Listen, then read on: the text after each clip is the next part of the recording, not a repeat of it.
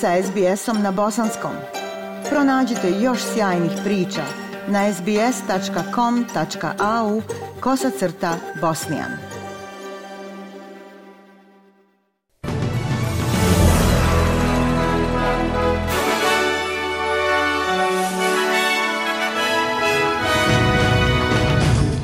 U današnjim vijestima poslušajte. Futbal Australija će sankcionisati pojedince uključene u tuču na derbiju između Melbourne City-a i Melbourne Victory.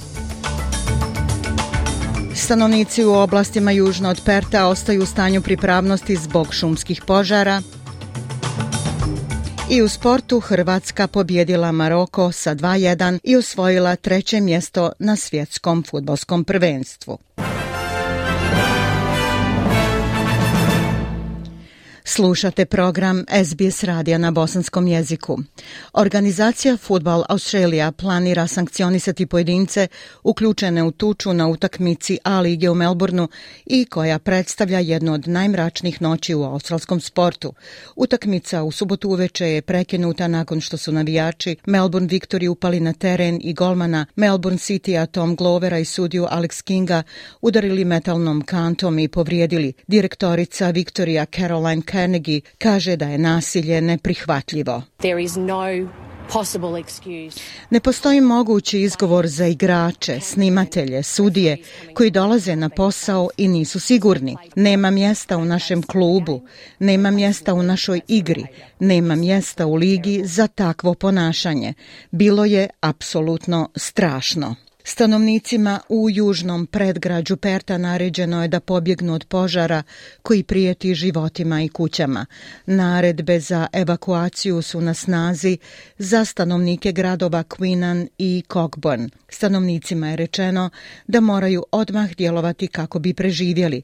Centar za evakuaciju je postavljen u regionalnom sportskom centru Success na adresi 359 Hammond Road, Success. Coles se pridružio Woolworthsu, Kostku, Aldiju i Riviera Farms u opozivu proizvoda od špinata koji su potencijalno kontaminirani.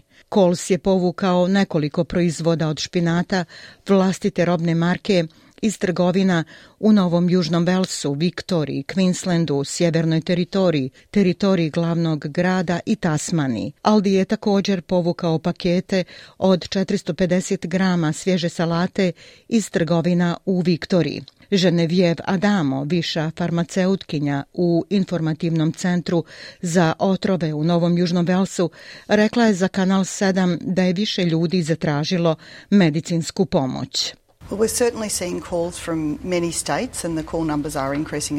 Sigurno viđamo pozive iz mnogih država, broj poziva se povećava kako ljudi postaju svjesni opoziva iz različitih područja. Mislim da smo jučer imali 88 poziva, a 33 osobe su trebale pomoć iz bolnice ili od svojih ljekara. Vijesti iz svijeta. Leo Varadkar je 17. decembra po drugi put izabran za irskog premijera, preuzimajući dužnost od Mihaela Martina prema dogovoru koji su njihove dvije stranke sklopile u koalicionom sporazumu 2020. godine. Gospodin Varadkar, koji je bio premijer od 17. do 20. obećao je da će se pozabaviti stambenom krizom koja ga je koštala punog drugog mandata. Moramo dati sve od sebe da se pokrenemo iz rastućeg beskućništva i pada vlasništva nad kućama. Moramo ubrzati naš plan, stambeno zbrinjavanje za sve i ponovno stvaranje vlasništva nad domom za mnoge. Spasilački timovi koji tragaju za nestalim kamperima zahvećenim klizištem u Maleziji izvukli su tijela žene i dvoje djece, čime je broj poginulih porastao na 24. Klizište u Batankali, u popularnom brdovitom području oko 50 km sjeverno od Kuala Lumpura, uništilo je kamp u petak dok su ljudi spavali u svojim šatorima, pri čemu su žrtve poginule, uključujući šestoro djece. Akcije potrage i spašavanja nastavljene su u subotu, drugi dan nakon prekida tokom noći zbog obilnih kiša. Direktor vatrogasne službe i spašavanja Selangora Kamis kaže da će se potraga nastaviti još najmanje sedam dana. Iskreno, šanse za preživljavanje su prilično male, jer je već drugi dan. Tijela žrtava su zakopana u zemlju. Sudeći po situaciji, onome što vidite na lokaciji, nada za pronalaženje preživjelih je vrlo mala.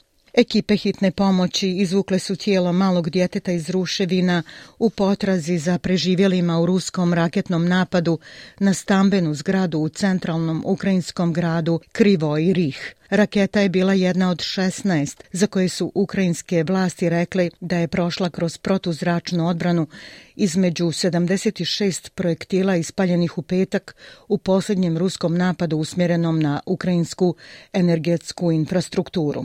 David Miliband, izvršni direktor Međunarodnog komiteta spašavanja, rekao je za CNN da je jasno da su civili meta nedavnih napada.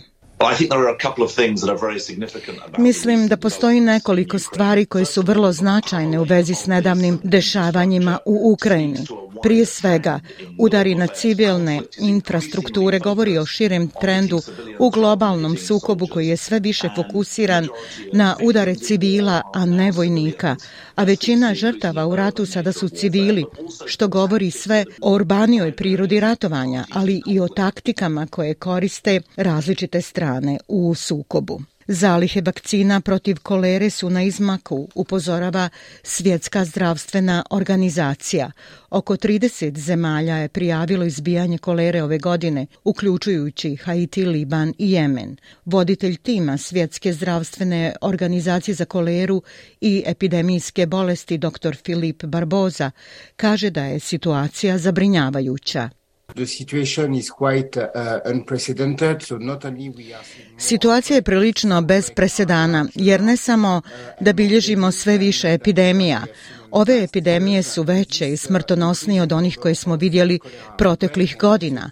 Sve veći broj izbijanja kolere javlja se nakon nekoliko godina redovnog smanjenja broja oboljelih i umrlih.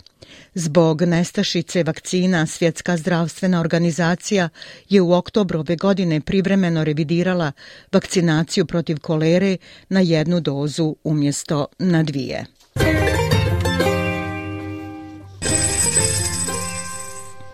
Prema kursnoj listi, australski dolar danas vrijedi 0,67 američkog dolara, 0,63 eura, 0,55 britanske funte te 1,24 bosanske konvertibilne marke. I vijesti sporta. Futbalska reprezentacija Hrvatske osvojila je bronzanu medalju na svjetskom prvenstvu i jutros je u meču za treće mjesto slavila protiv selekcije Maroka s rezultatom 2 naprama 1. Hrvatska je tako osvojila svoju drugu svjetsku bronzu nakon one 1998. godine u Francuskoj. Maroko također odlazi kući zadovoljan kao jedina afrička reprezentacija koja se našla među četiri najbolje reprezentacije svijeta. Preostala je još jedna finalna utakmica svjetskog prvenstva između Argentine i Francuske koja se igra sutra u 2 sata ujutru čime će biti okončano svjetsko futbolsko prvenstvo 2022. u Kataru. Thank you.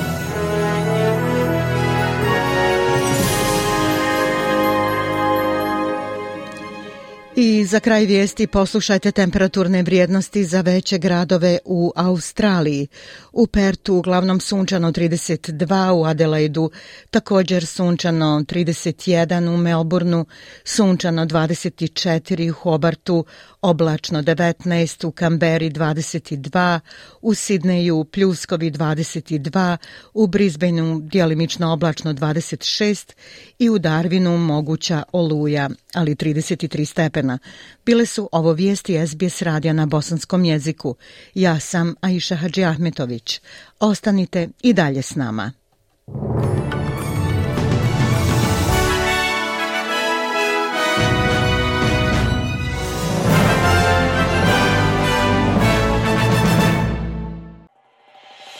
SBS na bosanskom.